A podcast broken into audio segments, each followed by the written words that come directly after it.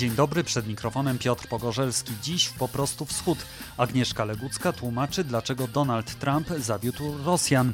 Andrzej Grajewski opowie o kościele katolickim na Białorusi, a Wojciech Górecki będzie mówił o wyborach w Gruzji.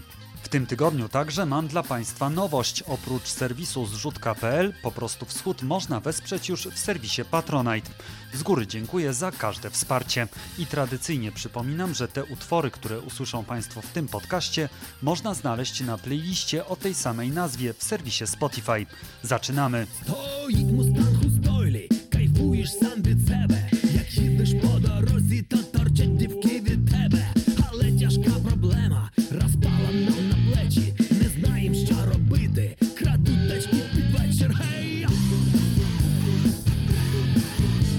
cool.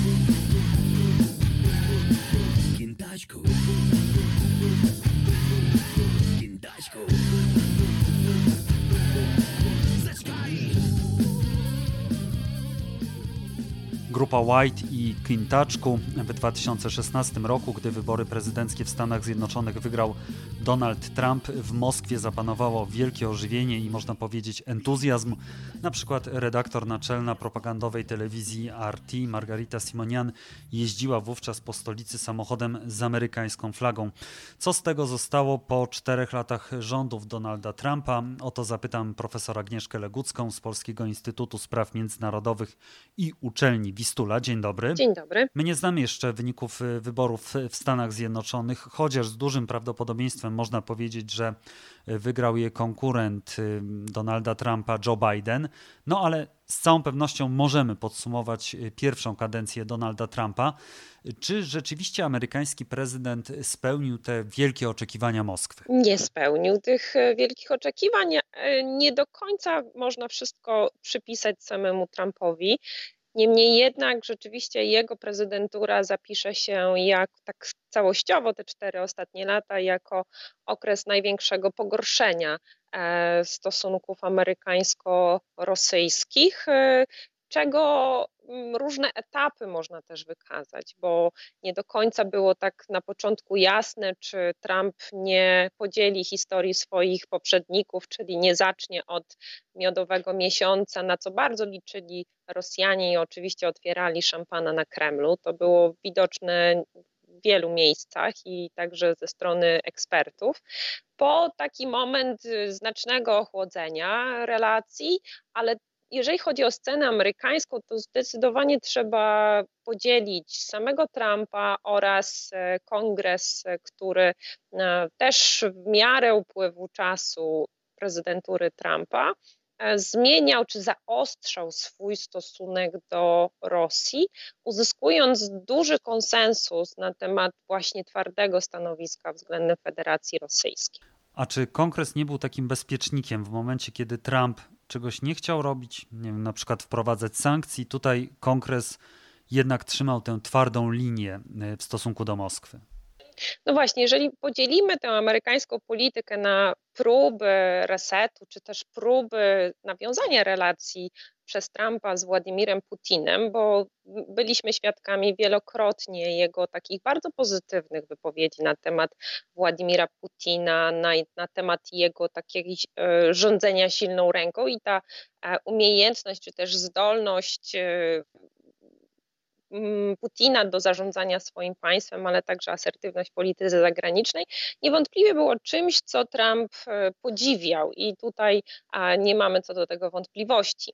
Również miał takie wystąpienia, które jeszcze w czasie kampanii wyborczej były mm, interpretowane jako takie, że Trump e, otwarcie wspiera Władimira Putina, a co y, jeszcze bardziej niebezpieczne było dla pozostałych y, państw NATO, chętnie mówił o, w taki sposób, który bardzo się Rosjanom podobał, czyli właśnie mówił o e, zmierzchu NATO, rozbiciu Unii Europejskiej, osłabieniu tych organizacji a jednocześnie mówił, czy to nie byłoby wspaniale, gdybyśmy się z Rosją dogadali. A więc były takie obawy i przesłanki ze, ze strony mm, Europejczyków z Unii Europejskiej, że Trump będzie zmierzał do tego, żeby nawiązać po, pozytywne relacje z Federacją Rosyjską i na to też liczyli Rosjanie. I w pierwszym okresie, bardzo szybko po zaprzysiężeniu Trumpa w styczniu 2017 roku, jego prezydentura stała się prezydenturą pod znakiem właśnie ingerencji w amerykańskie wybory, ingerencji rosyjskich hakerów, rosyjskich sił specjalnych itd. Tak to jest, było przedmiotem wielu dochodzeń i FBI, ale także w Senacie amerykańskim, w ogóle w kongresie było kilka podjętych prób właśnie e, udowodnienia tego, że, że Rosjanie, Rosjanie próbowali ingerować w te wybory. I z jednej strony Trump nie do końca mógł miał swobodę działania, jeżeli chodzi o stosunki z Federacją Rosyjską, bo to by y, jakby było mm, wytłumaczeniem czy też potwierdzeniem ten, te, tej tezy, że to e, nie tylko Trump chce zmierzać w tym samym kierunku, czyli e, polepszenia relacji z Rosją, ale wręcz był, mm, byłby politykiem, który, był, e, który wygrał dzięki Rosjanom. To oczywiście bardzo mocno lansowali demokraci i też całą zwinę też zrzucali na Rosję, że Hillary Clinton nie wygrała e, wyborów wtedy, ale też e, później były sytuacje, które zupełnie mm, Trumpowi zablokowały e, kontakt, możliwość kontaktów takich otwartych z Federacją Rosyjską, bo otóż w lutym 2017 roku musiał zrezygnować jego bardzo bliski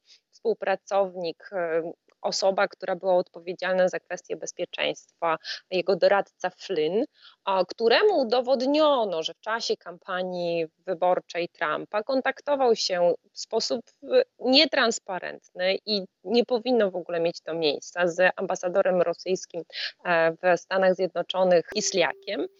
I ta afera rzutowała na tyle silnie E, na początek jego prezydentury, że w kongresie zaczęto myśleć o tym, że Trump będzie chciał znieść sankcje nałożone przez e, Baracka Obamę na Federację Rosyjską. W związku z czym już od lutego był taki tworzony konsensus wokół tego, żeby e, właśnie to, co, to, co, to, co mm, pan powiedział, żeby zablokować działalność e, Trumpa w kierunku polepszenia relacji z Rosją.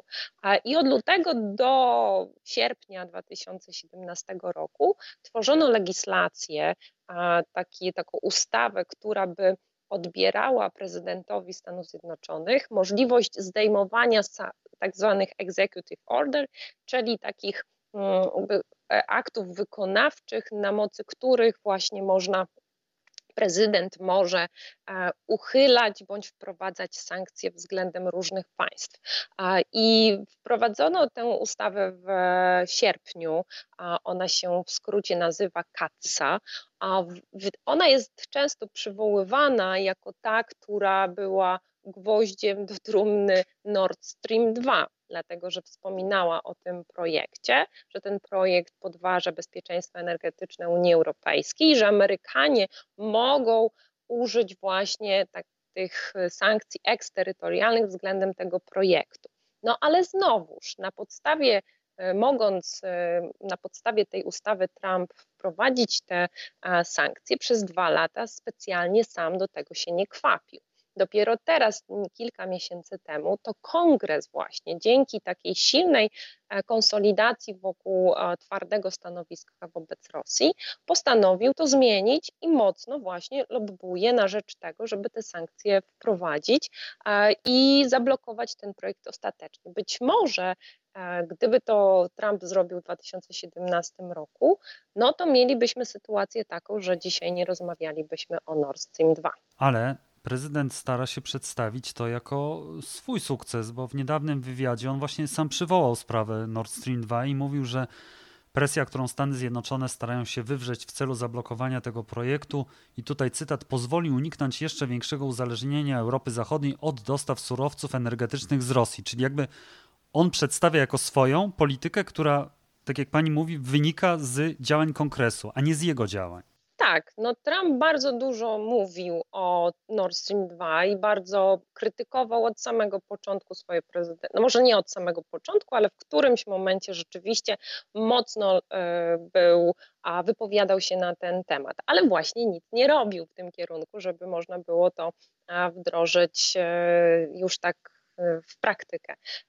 Też znając wypowiedzi Donalda Trumpa, tutaj jeżeli chodzi o jego e, umiejętności bądź nieumiejętności komunikowania, no to bardzo często sprzeczne wysyłał sygnały i względem Rosji, a Nord Stream 2 traktował nie przeciwko Rosji, bo to jest też bardzo ważne, tylko właśnie jako element presji na Niemcy, bo e, prezydentura Trumpa też jest tak kojarzy się z trudnymi relacjami, e, takimi asertywnymi relacjami z Republiką Federalną Niemiec i Nord Stream 2 był elementem bardziej presji na Niemcy niż na Federację Rosyjską ze strony prezydenta amerykańskiego. A jaki cel miała mieć ta presja na Niemcy? Bo z drugiej strony mamy kwestię e, relokacji jednostek amerykańskich z Niemiec.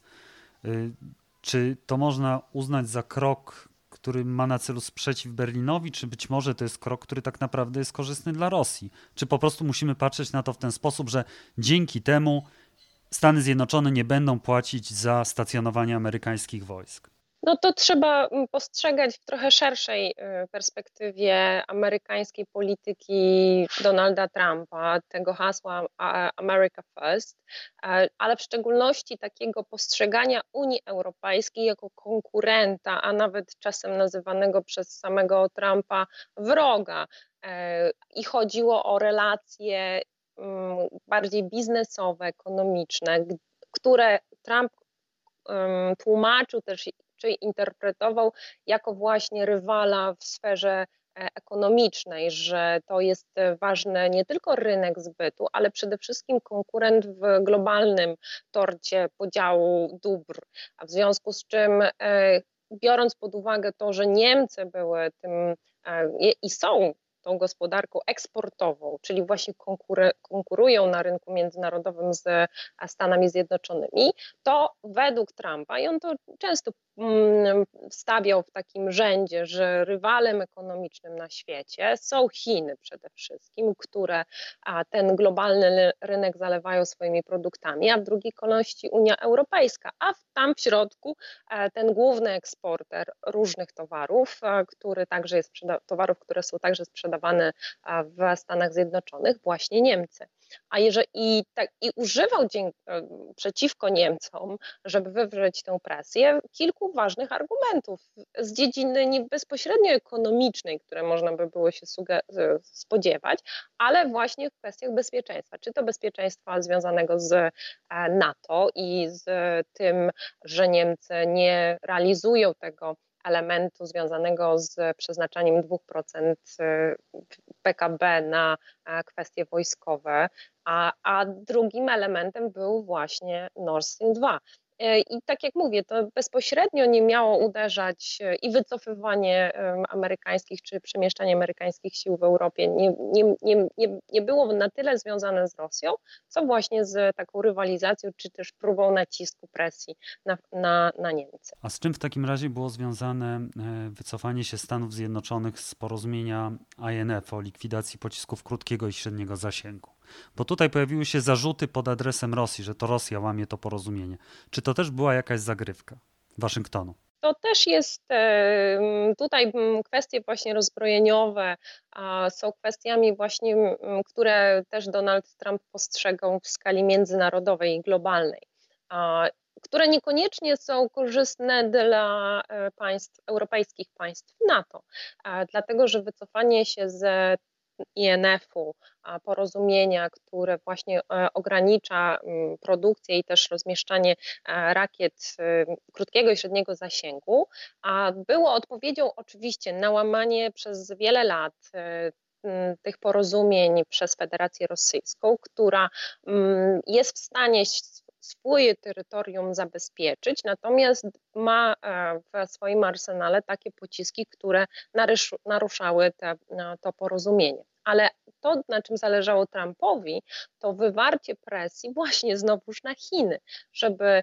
móc negocjować z Rosją e, na temat nowego porozumienia, e, ale móc wciągnąć albo wywrzeć presję na Rosję po to, żeby te porozumienia miały charakter globalny czyli właśnie obejmowały e, tego najważniejszego rywala e, Stanów Zjednoczonych, czyli Chiny. I w tym kontekście wycofanie się z Amerykanów z tego porozumienia z kolei stawia w bardzo niezręcznej e, sytuacji państwa natowskie w Europie, dlatego że no, zostają bez takich regulacji i możliwości weryfikacji tego, co mają Rosjanie, no bo jeżeli nie ma porozumienia, to także proces weryfikacji jest bardzo trudny. Jeżeli chodzi o wsparcie dla Ukrainy w walce z Rosją. Tutaj też Donald Trump mówił, że to są jego sukcesy, między innymi właśnie dostawy e, broni e, dla Kijowa. Czy to jest prawda, co mówi prezydent, jeszcze prezydent Stanów Zjednoczonych?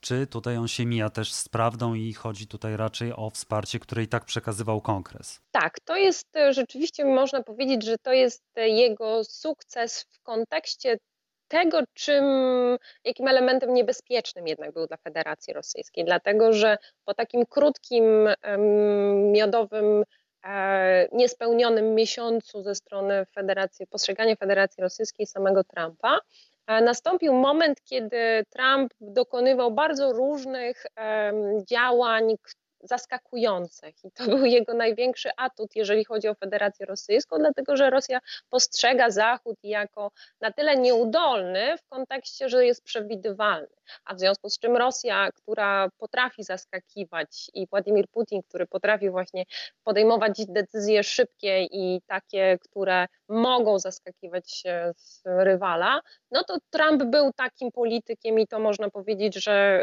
trzeba mu to dać na plus. Jednocześnie jeżeli chodzi o Ukrainę, to on kontynuował politykę Baracka Obamy, wsparcia dla Ukrainy, z tym właśnie, że zaskoczył e, Władimira Putina, że poszedł e, o krok dalej, czyli właśnie to wsparcie, które Barack Obama i państwa NATO wyrażały względem e, Ukrainy, ale jednocześnie obawiały się e, udzielania im pomocy wojskowej, e, Trump nie miał takich skrupułów i był gotowy na to, żeby a z, jednej strony to wsparcie udzielać, a z drugiej strony właśnie nie blokował działań kongresu w tym zakresie i zwiększania powiedzmy też budżetu Pentagonu w kwestiach właśnie wzmocnienia wschodniej flanki NATO, a jednocześnie właśnie wsparcia militarnego wojskowego e, samej Ukrainy.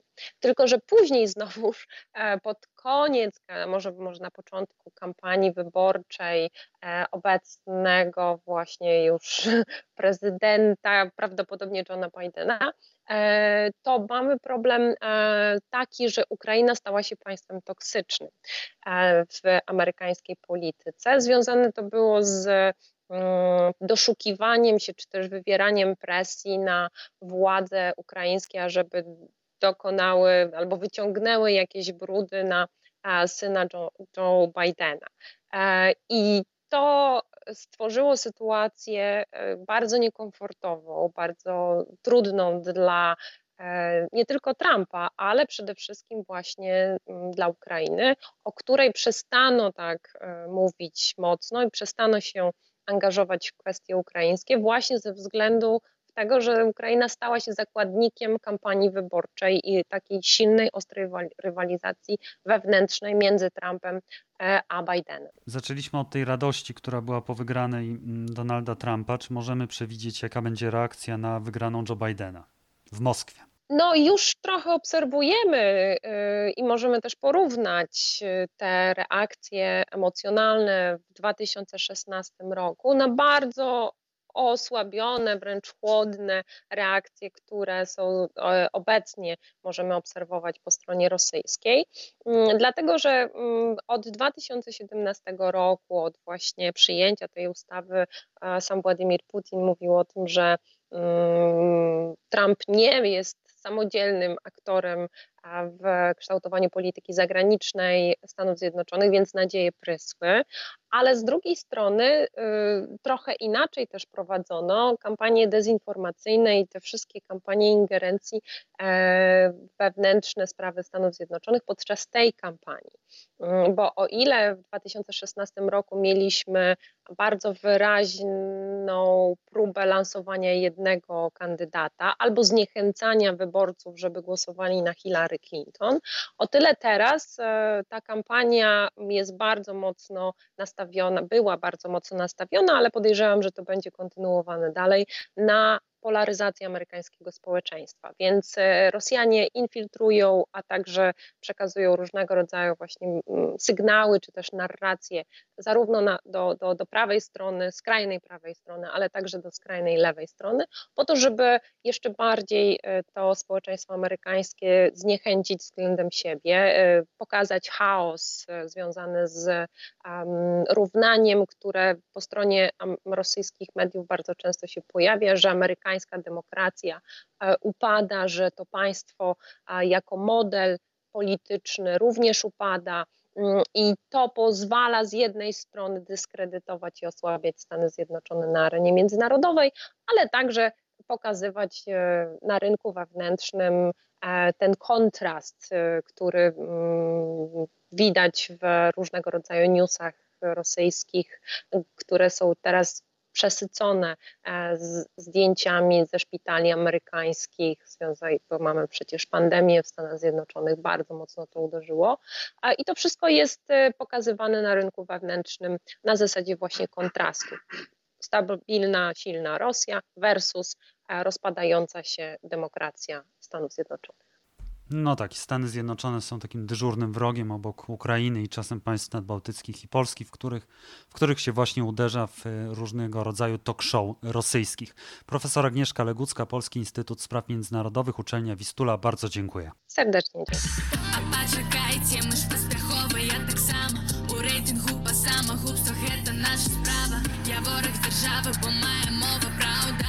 Радімо живець і виживе до завтра.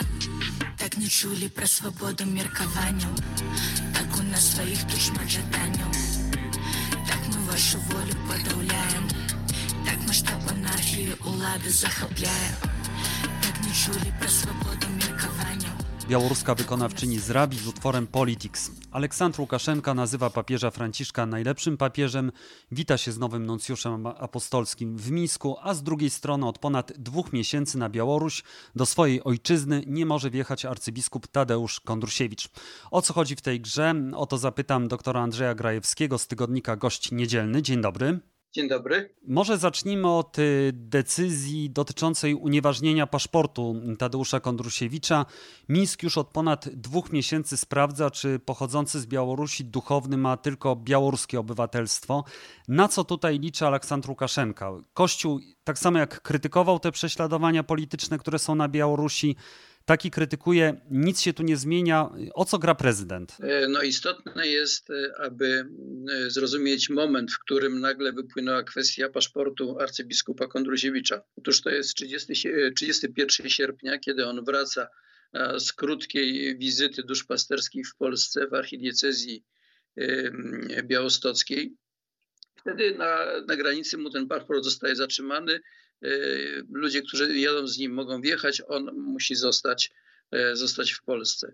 Y, kilka dni wcześniej arcybiskup bardzo twardo wystąpił w obronie bitych i prześladowanych na ulicach Mińska oraz na terenie całej Białorusi.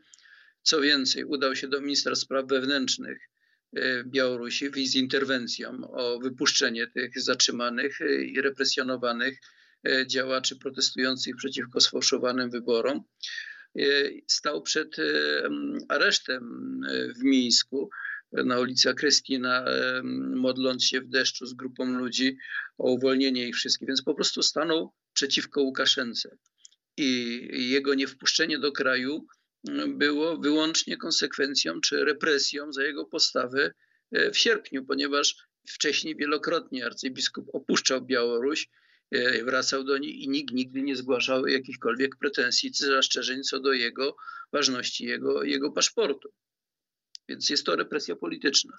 No to prawda, ale z drugiej strony też inni duchowni białoruscy, katoliccy, y, no cały czas krytykują władzę i te oświadczenia, które my słyszymy już nawet po tym, jak biskup Tadeusz Kondrusiewicz nie może wjechać na Białoruś, y, świadczą o tym, że generalnie ta decyzja Łukaszenki, ona nie wpłynęła na cały Kościół katolicki. Nie wpłynęła, to prawda, ponieważ y, ci biskupi się różnie zachowywali. Nie wszyscy zabierali jasno i stanowczo głos, aczkolwiek e, na przykład biskup Alech e, Budkiewicz e, z Witebska no, też stwierdził wyraźnie, że niczego dobrego na krwi się nie zbuduje.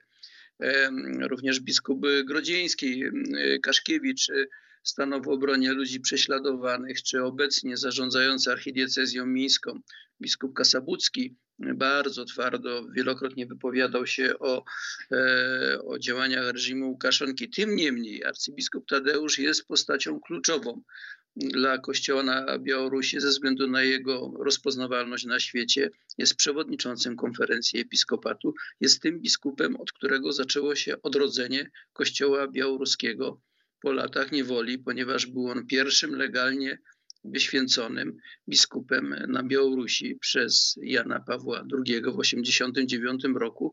Więc jest to postać absolutnie symboliczna. E, człowiek mający ogromny prestiż w społeczeństwie białoruskim. E, I myślę, że, że celem było jakby też osobista zemsta Łukaszenki, bo ich stosunki układały się wcześniej różnie, aczkolwiek nawet arcybiskup Tadeusz zachowując krytyczny stosunek do reżimu, no miarkował, można powiedzieć, swoją krytykę. Natomiast po tych wyborach czara się przelała i to nie tylko ze względu na, na, na, na sfałszowane wybory, bo poprzednie też były sfałszowane, a Kościół nie protestował, tylko ze względu na skalę brutalnych represji, która była po prostu szokiem.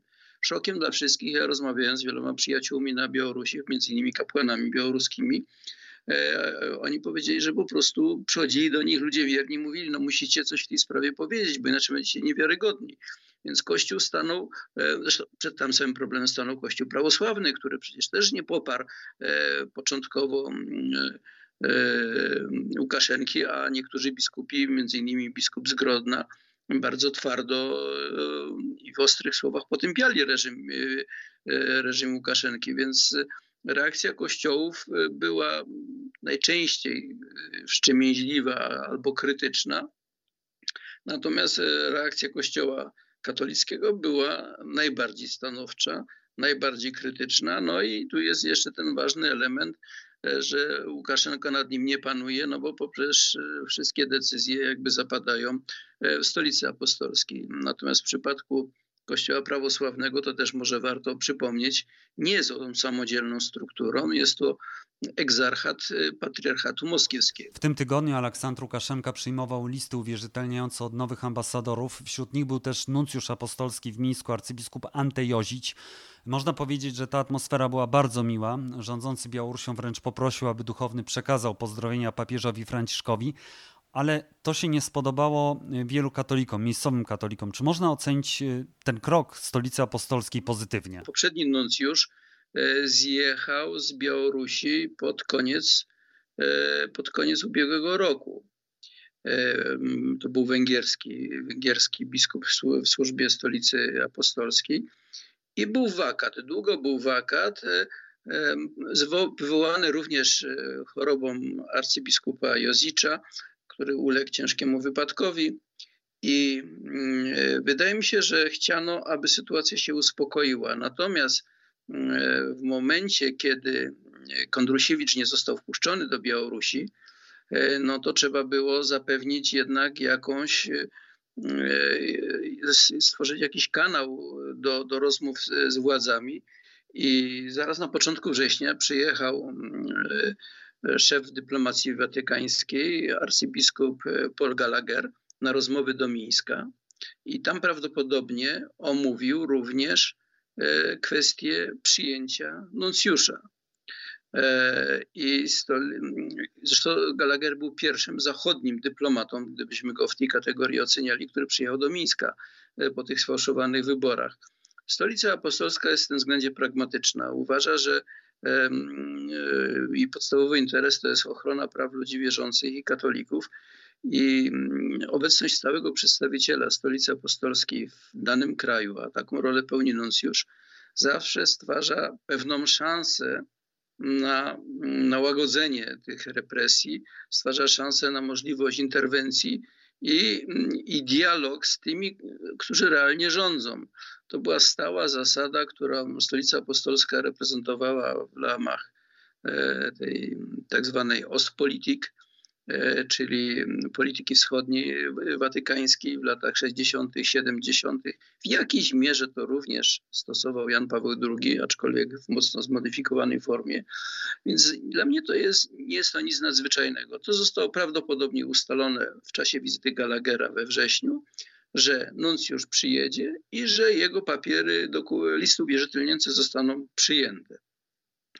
Już później arcybiskup Gallagher w takim głośnym wywiadzie e, udzielonym e, bodajże Lacroix e, opowiadał, że jakby główną treścią jego, jego pobytu w Mińsku była interwencja w sprawie arcybiskupa Kondrusiewicza. No ale tutaj władze są nieprzebłagane i stoją na stanowisku, że Kondrusiewicz jako urzędujący biskup prawdopodobnie na Białoruś wrócić nie może. I tu bardzo ważną, bardzo ważną datą jest początek stycznia, wtedy kiedy arcybiskup Tadeusz osiągnie 75 lat i zgodnie z prawem kanonicznym musi napisać do papieża swoją rezygnację. I ta rezygnacja może być przyjęta i tak się najczęściej dzieje, ale nie musi być. Papież może wydłużyć jakby urzędowanie arcybiskupowi. I wydaje mi się, że na to liczą władze białoruskie taką twardą postawą, że, mm, e, że Kondrusiewicz E, osiągnie ten wiek emerytalny już niedługo i przestanie być, e, e, no, oczywiście biskupem zostanie, ale przestanie być arcybiskupem archidiecezji mińsko-mochylewskiej i jednocześnie przewodniczący konferencji episkopatu Białorusi. Czy stolica apostolska zgodzi się na takie rozwiązanie, bo to by oznaczało, że że musiałby być nominowany oczywiście nowy biskup dla, dla Mińska. Tego, tego ja nie wiem. E, w każdym bądź razie e, e, złożenie listów uwierzytelniających mnie nie dziwi, mm, ponieważ jakby Stolica Apostolska pogodziła się, wydaje mi się, z tym, że reżim Łukaszenki przetrwa ten kryzys.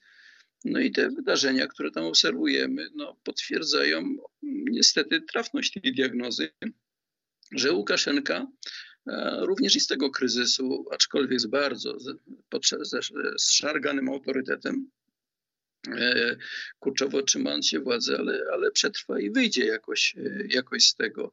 Zresztą podobnie, podobne myślenie ja znajduję w działaniach Brukseli, bo przecież Łukaszenka nie został wpisany na tą listę sankcji. No to na razie, to też się może zmienić. To prawda, to prawda. Nie, ja myślę, że akurat w działaniach dyplomatycznych Stolica Apostolska stawia na pewien pragmatyzm.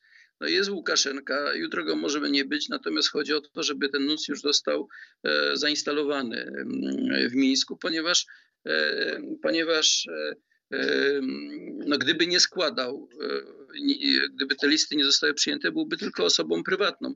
E, ja chcę zwrócić uwagę, że również dzisiaj był ważny moment, bo, bo mm, Jozicz spotkał się z ministrem spraw zagranicznych Białorusi, Makiejem, i też taki dość ciepły komunikat poszedł z tego, e, charakterystyczne, że mm, białoruskie władze i prezydent i i, i minister spraw zagranicznych bardzo chwalą stolicę apostolską, e, bardzo chętnie wpisują się w, różne międzynarodowe inicjatywy, natomiast milczą o sytuacji Kościoła na Białorusi. No ale to jest pewien taki element e, gry, która w dyplomacji często jest stosowana. No, w każdym razie to szybkie przyjęcie Jozicza przez Makieja też świadczy o tym, że dla, dla władz białoruskich stolica apostolska jest pewnym ważnym partnerem, który który może różnego rodzaju opinie oraz e, wrażenia o sytuacji na Białorusi rozprzestrzeniać e, w międzynarodowej społeczności. Tak, ale trzeba zwrócić uwagę na jeszcze jedną rzecz, to jest chyba kwestia pewnego utożsamiania e, przez Łukaszenkę Kościoła rzymskokatolickiego z dużymi wpływami Polski. Tutaj przypomnę, że było niedawno spotkanie z metropolitą prawosławnym Beniaminem i y, Łukaszenka mówił, jak my możemy przyjmować duchownych z Polski, gdy państwo polskie, czysto katolickie, zajmuje takie stanowisko wobec Białorusi. To nienormalne. Czy tutaj te dwie płaszczyzny się nie nakładają. Z jednej strony Kościół katolicki, rzymskokatolicki Kościół powszechny, a z drugiej strony jednak pewne utożsamienie przez władze białoruskie, zapewne też przez wielu Białorusinów, tego kościoła z kościołem osób pochodzenia polskiego. To jest oczywiście propaganda i, i nieprawdziwe prezentowanie e, sytuacji, no bo powiedzmy e, sobie w ten sposób. Na Białorusi jest w tej chwili około 500 księży. Wśród nich zaledwie 80 jest cudzoziemców, z których większość jest z Polski. Ten stan, że, że, że kapłani z Polski e, stanowili istotną część duchowieństwa białoruskiego, wynikał z faktu e, tego, że po prostu przez cały czas władzy sowieckiej na Białorusi nie można było legalnie wyświęcić żadnego księża. E, ci, ci nieliczni, których dopuszczano do święceń, mogli być wyłącznie, kończyć seminarium albo w Kownie, i tak było w przypadku arcybiskupa Kondrusiewicza, albo najczęściej, jeżeli pochodzili z terenów Białorusi, które nie należały w okresie międzywojennym do II Rzeczpospolitej, jeździli do Rygi, która przyjmowała kandydatów do kapłaństwa z całego Związku Sowieckiego. A więc nie było tam po prostu kapłanów i w pierwszym etapie liczna grupa, około chyba 200 księży z Polski pojechała, odgrywając ogromną historyczną rolę w odbudowie e, Kościoła katolickiego na Białorusi, z której i oni, i my możemy być dumni, ponieważ nie było tam żadnej misji polonizacyjnej, była to wierna służba temu ludowi, Ci księża zresztą bardzo często szybko się uczyli języka białoruskiego i posługiwali się w nim e, e, w liturgii. E, kolejna rzecz, czy Kościół katolicki na Białorusi jest kościołem polskim? To jest mit, który jest również upowszechniany w Polsce, ponieważ myślimy dawnymi kalkami kresowymi, prawda, że, że, że, że Białoruś no to jest część Rzeczpospolitej, że katolicy katolicy są tam Polakami. E, po pierwsze, katolicy na Białorusi są dwóch obrządków. E, są obrządku e, łacińskiego i tam jest oczywiście spora grupa albo Polaków, albo ludzi z polskimi korzeniami. Można w takim w cudzysłowie powiedzieć, że polską diecezją jest diecezja grodzieńska, najbardziej, że tak powiem, naj, najbardziej reprezentowana przez, przez katolików narodowości polskiej, w jakim stopniu również diecezja e, mińska, ale w diecezji na przykład witebskiej na wschodzie e, katolików e, języka polskiego jest, jest bardzo niewielu. Tak samo w diecezji mińsko-mohyleskiej. Więc Kościół katolicki na Białorusi się zbiałorutynizował bardzo silnie w tym okresie. Ja w tamtym roku jeździłem dość dużo po Białorusi, byłem w Bucławiu na tym narodowej pielgrzymce. Wszystko było w języku białoruskim, co oczywiście też wyróżnia ten kościół e, pod, e, pod tym względem, ponieważ z kolei cerkiew prawosławna jest generalnie rosyjskojęzyczna. A więc w tym sensie Kościół katolicki na Białorusi albo mówi językiem polskim, albo białoruskim. Po rosyjsku jest bardzo rzadko. Tam na przykład na tych terenach wschodnich, między innymi na Witebszczyźnie czy na Mochylewszczyźnie zdarzają się parafie, gdzie jest język e, rosyjski w liturgii, ale najczęściej jest to białoruski, a później język, e, język polski. Więc wszystko to jest propaganda Łukaszenki, która doskonale wie, jaka jest sytuacja. Kościół, na, kościół mm, katolicki na Białorusi jest kościołem w coraz większym stopniu kościołem białoruskim. E, tworzy swoją własną nową tożsamość, e, a, a jeśli chodzi o Kościół grekokatolicki, no to wręcz to jest jakby środowisko tych najtwardszych działaczy niepodległościowych.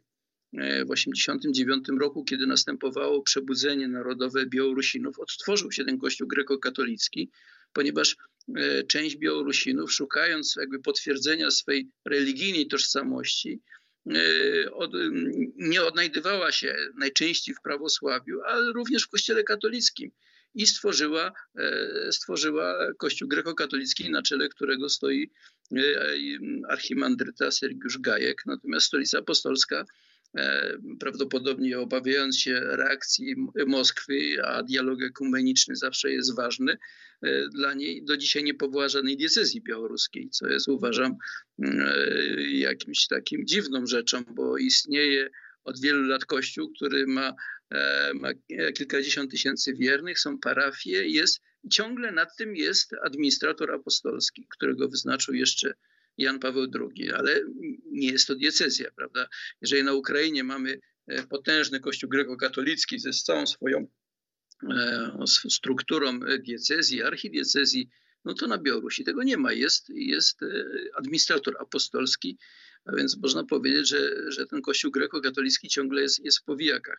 Więc ta, a, a, więc ta sytuacja jest o wiele bardziej złożona niż wynikałoby z tego prostego prze- przekazu Łukaszenki i albo on po prostu łże e, propagandowo, e, albo jest na tyle ograniczony, że nie jest w stanie zrozumieć tego, jaka jest dynamika życia religijnego w własnym kraju. A na to też zwracała uwagę agencja Biała Pan, ponieważ Łukaszenka mówił, że duchowni powinni być kształceni na Białorusi, e, ale jest cały czas kwestia Miejskiej Akademii Teologicznej, która nie może otrzymać działki, żeby zbudować swoją siedzibę i no wiadomo, że jeżeli by prezydent chciał, to zapewne taka działka by się pojawiła w ciągu jednego dnia. Tak, e, e, oczywiście. To jest w ogóle szerszy problem własności, własności obiektów sakralnych z których znaczna część, między innymi wspaniały Czerwony Kościół e, w Mińsku e, pod wezwaniem e, świętego Szymona i Heleny bodajże, jest do dzisiaj własnością formalnie państwa. I na przykład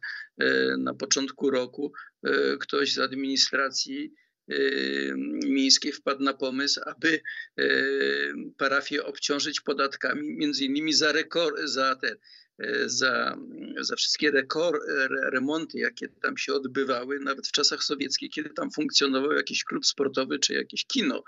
No to są tego rodzaju absurdy. No potem założyli, nagle się kłódka pojawiła z zewnątrz, proboszczowi łaskawie dano klucz jeden do tej kłódki. No, i, i status wielu świątyń nie jest uregulowany. Także to jest administracja państwowa zachowała sobie szereg e, instrumentów, aby przycisnąć katolików, jeżeli zajdzie na to, na to potrzeba. Natomiast Kościół prawosławny jest traktowany jako, jako ich.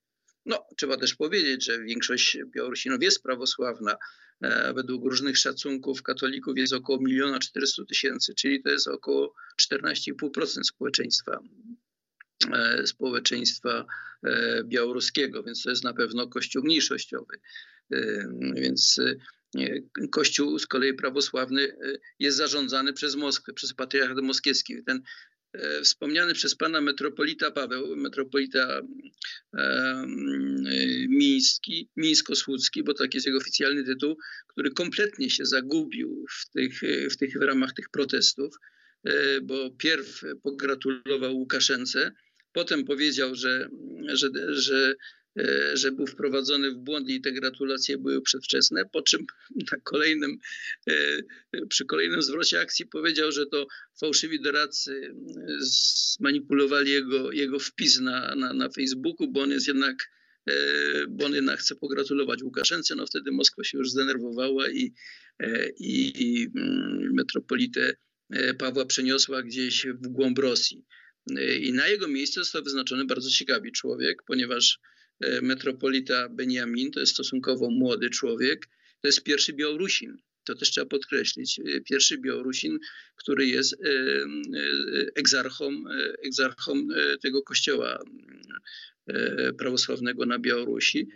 Z tego, co ja słyszałem, zwolennik z jednej strony takiej ścieżki narodowej, a więc również pewnego, pełnej, pełnej białorutynizacji białoruskiego prawosławia, ale także zwolennik Łukaszenki w tym sensie, że uważa, że Łukaszenka jest jedynym, który w tych warunkach jest w stanie uchronić tą suwerenność państwa, jaka teraz jest możliwa. I myślę, że to jest myślenie dość sporej grupy Białorusinów, którzy mm, nie do końca się angażują w protesty, obawiając się, że może być gorzej. Doktor Andrzej Grajewski, tygodnik gości niedzielny. Bardzo dziękuję. Dziękuję. Zadebam holocentuis, skandali tulał story, ragala baragew z turmy, gamorte telewizory, da kaseta pilme bizepi, ripraze bi krysili piu, zoskorsze z rębą.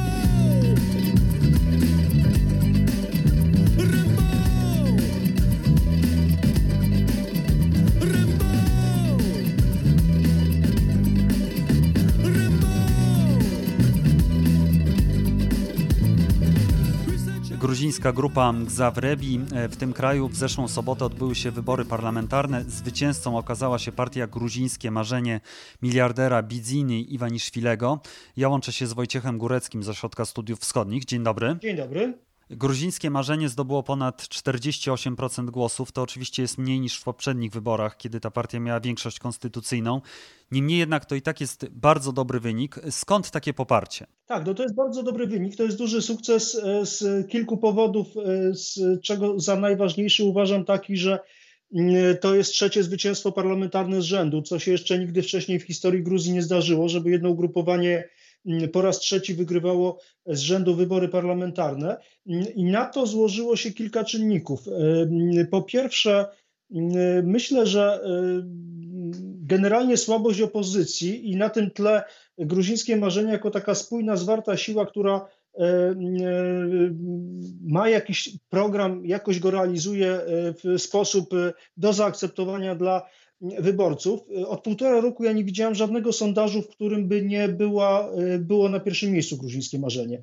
Także to nie jest zaskoczenie, nawet jak generalnie spadało zaufanie do wszystkich gruzińskich ugrupowań, to najmniej spadało gruzińskiemu marzeniu. Widziałem taki sondaż, to było ponad rok temu, że gruzińskie marzenie miało tam 25%, ale następna partia Zjednoczony Ruch Narodowy około tam 15%, y, czyli ten rozryw był znaczny. To jest pierwsza sprawa. Druga sprawa jest taka, że Gruzja do tej pory nie najgorzej radziła sobie z COVID-em, z pandemią.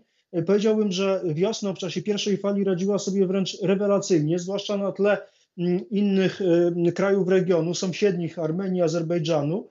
E, e, powodem była dosyć taka restrykcyjna polityka, wypełnianie wszystkich zaleceń Światowej Organizacji Zdrowia, dość taki konsekwentny lockdown z bardzo wysokimi karami za jego nieprzestrzeganie i to zadziałało. Natomiast to, to teraz może działać przeciwko gruzińskiemu marzeniu, dlatego że ta druga fala się okazała bardziej Mm, dotykać Gruzję również, chociaż y, znowu na tle y, Armenii to nie wygląda tak źle, natomiast już w porównaniu z Azerbejdżanem teraz ta liczba strasznie idzie w górę y, zakażonych, również ofiar śmiertelnych jeszcze nie tak strasznie dużo, ale mm, bardzo dużo w porównaniu do, do poprzedniego okresu. I wreszcie trzeci powód, dla którego gruzińskie marzenie cieszy się tak tak dużą popularnością, no to jest oczywiście słabość, rozdrobnienie opozycji, która na wbrew zapowiedziom na przykład nie była w stanie wystawić wspólnej listy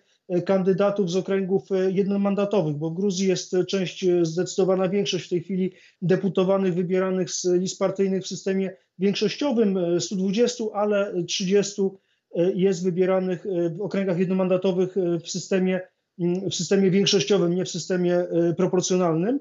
E, e, I od wiosny mówiło się, że opozycja, 30 parę ugrupowań, które taki, taką umowę zawarły z gruzińskim marzeniem 8 marca, właśnie ustalający te nowe zasady wyborcze, o których mówiłem, nową ordynację, E, zapowiadały, że e, wystąpią ze wspólną listą. No niestety ambicje się okazały, znaczy niestety, niestety, to, to, to specyfika gruzińska, bardzo taka silna personalizacja polityki, no ale e, sprawiło, że nawet jeśli chodzi o te okręgi jednomandatowe, nawet w Tbilisi opozycja nie była w stanie wystawić jednej listy, no, no ludzie to jednak odbierają jako jakaś taka niekoncyliacyjność czy, czy nieumiejętność budowania szerszej platformy, co też oczywiście działało na korzyść e, gruzińskiego marzenia, czyli takie trzy powody bym, bym tu wskazał, dlaczego to ugrupowanie się wciąż cieszy największą popularnością. No ale może to ugrupowanie ma też jakieś e, sukcesy w budowie państwa, sukcesy, nie wiem, w walce z korupcją, sukcesy w gospodarce, bo tak jak pan mówi, że i tak wcześniej ono miało dość duże poparcie, no to świadczy o tym, że konsekwentnie prowadzi jakąś politykę, która Gruzinom się podoba. No to jest taka polityka środka, to jest polityka dość konsekwentnie jednak y, y, kierująca Gruzję w stronę zachodnich instytucji Unii Europejskiej, y, NATO. To jest implementacja umowy stowarzyszeniowej zawartej z Unią Europejską, ale bez takiej bardzo wyrazistej retoryki, która była charakterystyczna dla rządów Y, poprzedniej ekipy, czyli Zjednoczonego Ruchu Narodowego i prezydenta Michaila Saakaszwilego. Również jeśli chodzi o stosunek do Rosji, to, to, to on jest konsekwentnie y, chłodny, to znaczy nie ma mowy y, o na przykład odwieszeniu, odmrożeniu stosunków dyplomatycznych, które zostały zerwane po wojnie rosyjsko-gruzińskiej 2008 roku, ale znowu bez takiej antyrosyjskiej retoryki która była charakterystyczna właśnie dla, dla Saakaszwilego. Podobnie, podobnie jeśli chodzi o kwestie, o kwestie socjalne, tutaj nie ma takiego drapieżnego kapitalizmu bezwzględnego, jak to miało miejsce za Saakaszwilego. Większy nacisk może na kwestie, kwestie społeczne, może większe otwarcie na gruzińską cerkiew prawosławną, gruziński kościół prawosławny, który jest niekwestionowanym, cieszy się niekwestionowanym autorytetem. W, w czasach Saakaszwilego mieliśmy spore napięcia na tle państwo Kościół, bo, bo właśnie ambicje Saakaszwilego sięgały również z tej, tej sfery, chodziło o jakieś tam podporządkowanie państwu większe, czy, czy, czy, czy, czy skłonienie Kościoła prawosławnego do, do, do pracy na rzecz państwa, jakby nie, nie, nie uwzględnianie tej autonomicznej roli, to, to, też, to też jest w tej chwili łagodzone. Natomiast, natomiast sukcesów jakichś wielkich, na przykład gospodarczych, to ja bym tutaj, ja bym tutaj nie widział. To jest raczej właśnie dość duża konsekwencja i dość łagodna retoryka, a konsekwencja właśnie w, w, tym, w tym takim byciu ugrupowaniem środka i nie powiedzmy rozwijaniu tych ani z jednej strony skrzydeł, ani, ani z drugiej. Znaczy, kiedyś się mówi o cięcie po skrzydłach, linia środka, no to właśnie to jest takie ugrupowanie, które dla każdego, dla każdego coś dobrego. Jeśli chodzi o walkę z korupcją, no to, to oczywiście ona, ona ma, ma, ma miejsce. Jeśli chodzi o łapownictwo, no to zostało praktycznie wyeliminowane już w czasie, w czasie rządów poprzedniej ekipy. Jeśli chodzi o dużą korupcję na, na, na styku gdzieś polityki wielkiego biznesu, to tutaj cały czas mamy niezreformowane sądownictwo to do końca, to to jest taki, taki, taki, taka pięta Achillesowa, można powiedzieć, gruzińskich, gruzińskich reform. Natomiast powolutku są rzeczy wdrażane w ramach właśnie implementacji układu stowarzyszeniowego i Gruzja jest po prostu, chociaż jest państwem biednym, my patrzymy często na Gruzję za, przez, przez te piliskie okulary, przez, przez, przez infrastrukturę lotnisk na przykład, ale, ale, ale sporo część Gruzinów, spora część Gruzinów mieszka na wsi, gdzie, gdzie, gdzie warunki życia są naprawdę trudne. Bardzo jest duże bezrobocie, nawet trudne do, do uchwycenia, bo tam są różne metodologie, jak, jak liczyć. I na tym tle na tym tle niewiele, niewiele, niewiele yy, gruzińskie marzenie zrobiło. Pytanie, ile mogłoby zrobić, czy mogłoby dużo zrobić? No teraz mamy kryzys, specyficzny rok, kryzys yy, turystyki, która jest bardzo ważną gałęzią gospodarki gruzińskiej, no ale, ale, ale, ale te, te, te, te niewielkie możliwości, jakie Gruzja ma, zwłaszcza kraju tranzytowego, Yy, no są, są, są wykorzystywane i yy, warto zaznaczyć, że Gruzja zajmuje bardzo, bardzo wysokie miejsca w rankingach yy, swobód, biznesowych. W takim rankingu naj, najważniejszym Doing Business Gruzja od lat zajmuje miejsca w pierwszej dziesiątce. Najwyższe było bodaj szóste, ale to jest siódme, ósme regularnie towarzystwie takich krajów jak Singapur, Nowa Zelandia. Zdecydowanie o kilka długości wyprzedzając inne państwa obszaru y, poradzieckiego. No i tutaj, y, tutaj to, to, to jest zasługa obu ekip, czyli tej, tej gruzińskiego marzenia i, i ekipy, która rządziła wcześniej Gruzją. No to właśnie o to też Cię chciałem zapytać. Drugie miejsce to jest blok Siła w Jedności. On jest zbudowany wokół Zjednoczonego Ruchu Narodowego, właśnie byłego prezydenta Michaila Saakaszwilego. I tu pytanie, bo on od wielu lat mieszka poza Gruzją. Jakie on ma znaczenie dla zwykłych Gruzinów? Czy to jest jakaś taka mityczna postać, która zmieniła kraj i została wypędzona? Czy ludzie czekają na jego powrót? Czy po prostu on został pewnym symbolem zmian? E, Michail Saakaszwili nie daje o sobie zapomnieć. E, to jest człowiek bardzo aktywny, w, w, czy to w mediach społecznościowych, czy w ogóle w mediach e, bardzo, bardzo często składa różnego rodzaju oświadczenia. Jest to człowiek obecny cały czas w gruzińskiej polityce, chociażby dlatego, że do niedawna formalnie stał na czele Zjednoczonego Ruchu Narodowego. No, ciężko mu z emigracji kierować partią polityczną, natomiast ja sądzę, że, że on przestał być formalnie przewodniczącym tejże partii właśnie dlatego, że być może stanowi większe obciążenie niż atut dla, dla, dla swojego ugrupowania, bo on cały czas polaryzuje Gruzinów. To, że, że właśnie taki ogromny skok cywilizacyjny został dokonany za, za jego rządów, no to, to, już, to już jakby idzie w zapomnienie. To już jest normalne, że nie trzeba policjantowi opłówki płacić. To jest normalne, że się firmę za, zakłada przez internet w, w, kilka chwil. No oczywiście tutaj jakoś symbolicznie mówiąc o tych ułatwieniach dla biznesu. To, to, że, to, że nie wiem, paszport jest dobrem, które się należy, a nie, a nie, a nie, a nie jakimś przywilejem, tylko, tylko normalnie coś, co, co jako obywatel, do czego mam prawo, to po prostu ludzie zapomnieli, że już kiedyś było inaczej, bo to już, to już jednak kilkanaście lat minęło, nowe pokolenie dorosło. Natomiast, natomiast właśnie przez to spolaryzowanie gruzińskie sceny politycznej przez ten w zasadzie dwupartyjność, bo mamy z jednej strony gruzińskie marzenie, z drugiej mamy Zjednoczony Ruch Narodowy, potem długo, długo nic i konglomerat mniejszych partii opozycyjnych, e, no to właśnie Saakaszwili, który jest taką bardzo wyrazistą postacią, no jego się albo kocha, albo się nienawidzi e, i tak jak powiedziałem, być może nawet większe stanowi większe obciążenie dla swojego ugrupowania niż atut, dlatego, dlatego formalnie on nie stoi już na czele Zjednoczonego ruchu narodowego, no to, jest, to nie jest tak, że, że, że, że on spędza sens powiek y, Gruzinom od rana do nocy, natomiast on nie daje rzeczywiście o sobie zapomnieć i mm, przez tą swoją aktywność y, ciągle w tej gruzińskiej polityce jest obecny, ale, ale właśnie przed ostatnimi wyborami kilka razy składał sprzeczne oświadczenia, jak on sobie wyobraża swoją dalszą rolę w polityce gruzińskiej. On się zgłaszał na, na, na stanowisko premiera, poszczególne ugrupowania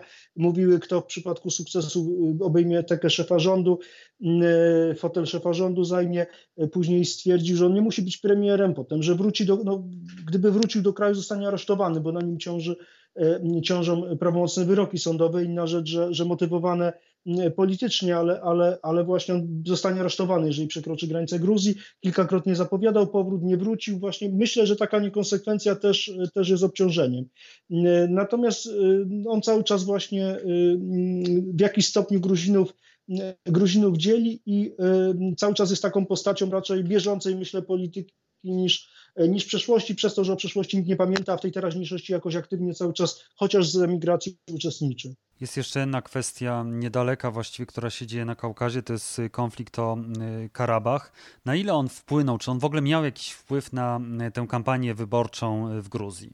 Y, konflikt karabachski oczywiście na kampanię wyborczą w Gruzji miał wpływ z tego powodu, że w Gruzji mieszkają i Azerbejdżanie i Ormianie. To są dwa, dwie największe mniejszości narodowe.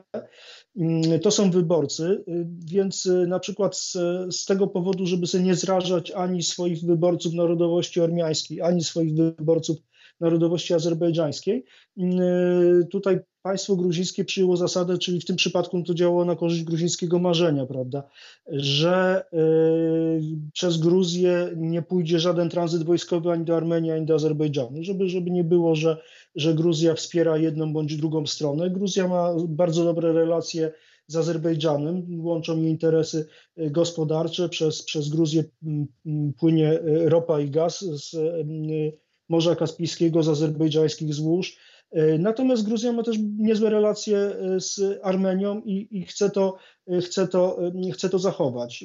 Ten konflikt jest oczywiście zagrożeniem dla Gruzji, bo on się toczy dość blisko gruzińskich granic i ale myślę, że ważniejsze właśnie dla, w kampanii wyborczej było to, żeby nie zrazić sobie, a, a zachęcić do siebie właśnie wyborców narodowości azerbejdżańskiej, narodowości ormiańskiej. Opozycja mówi, że te wybory e, były sfałszowane, no ale z drugiej strony mamy OBWE, e, która twierdzi, że te wybory były wolne i konkurencyjne.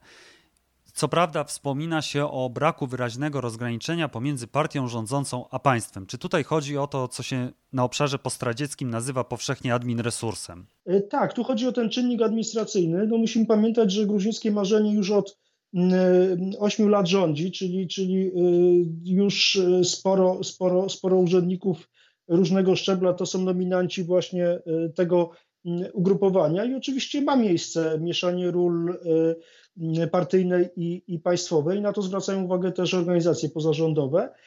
Natomiast po pierwsze, nie widziałem sondażu, w, który, w którym, tak jak, tak, jak, tak jak już mówiliśmy, w którym gruzińskie marzenie nie byłoby na czele z wyraźną przewagą. Po drugie, mamy to oświadczenie, co prawda wstępne o BWE, ale, ale już zawierające tą ocenę, że co prawda nie były to nieskazitelne wybory, ale Y, obywatele mogli wyrazić swoją opinię, były konkurencyjne i tak dalej, i tak dalej. Więc tutaj y, y, nie sądzę, żeby przy tej dużej różnicy pomiędzy gruzińskim marzeniem a następnym ugrupowaniem Zjednoczonym Ruchem, czy koalicją Siła Jedności złożonej wokół Zjednoczonego Ruchu Narodowego, to po prostu no, nie, ma, nie ma takiej możliwości sfałszowania na taką skalę wyborów, tym bardziej jeśli się właśnie ma w tyle głowy te sondaże, które, y, które, które dość, y, dość jednak precyzyjnie y, pokazywały przez ostatnie tygodnie, jak się lokują sympatie Gruzinów. Także ja myślę, że tutaj chodzi raczej o to, że jakąś, jakąś mobilizację czy, czy, czy, czy, czy E, czy też e, skupienie swojego elektoratu, swoich wyborców wokół, wokół siebie, być może wytargowanie, nie wiem, powtórzonych wyborów w okręgach jednomandatowych, e, co przy, przy rosnącej liczbie właśnie przypadków zachorowań na, na, na COVID-19 i wiążącej się z tym nieuchronnie, wiążącym się z tym spadkiem popularności rządu, jakoś by tam pozwoliło może trochę więcej mandatów opozycji uzyskać. Natomiast no, moim zdaniem nie ma podstaw, żeby wybory powtarzać, y, czego się opozycja domaga. Y, myślę, że to się skończy po prostu negocjacjami przy y, pośrednictwie zachodnich dyplomatów i jednak siły polityczne w Gruzji jakiś modus vivendi znajdą. Wojciech Górecki, Ośrodek Studiów Wschodnich, bardzo dziękuję. Dziękuję bardzo.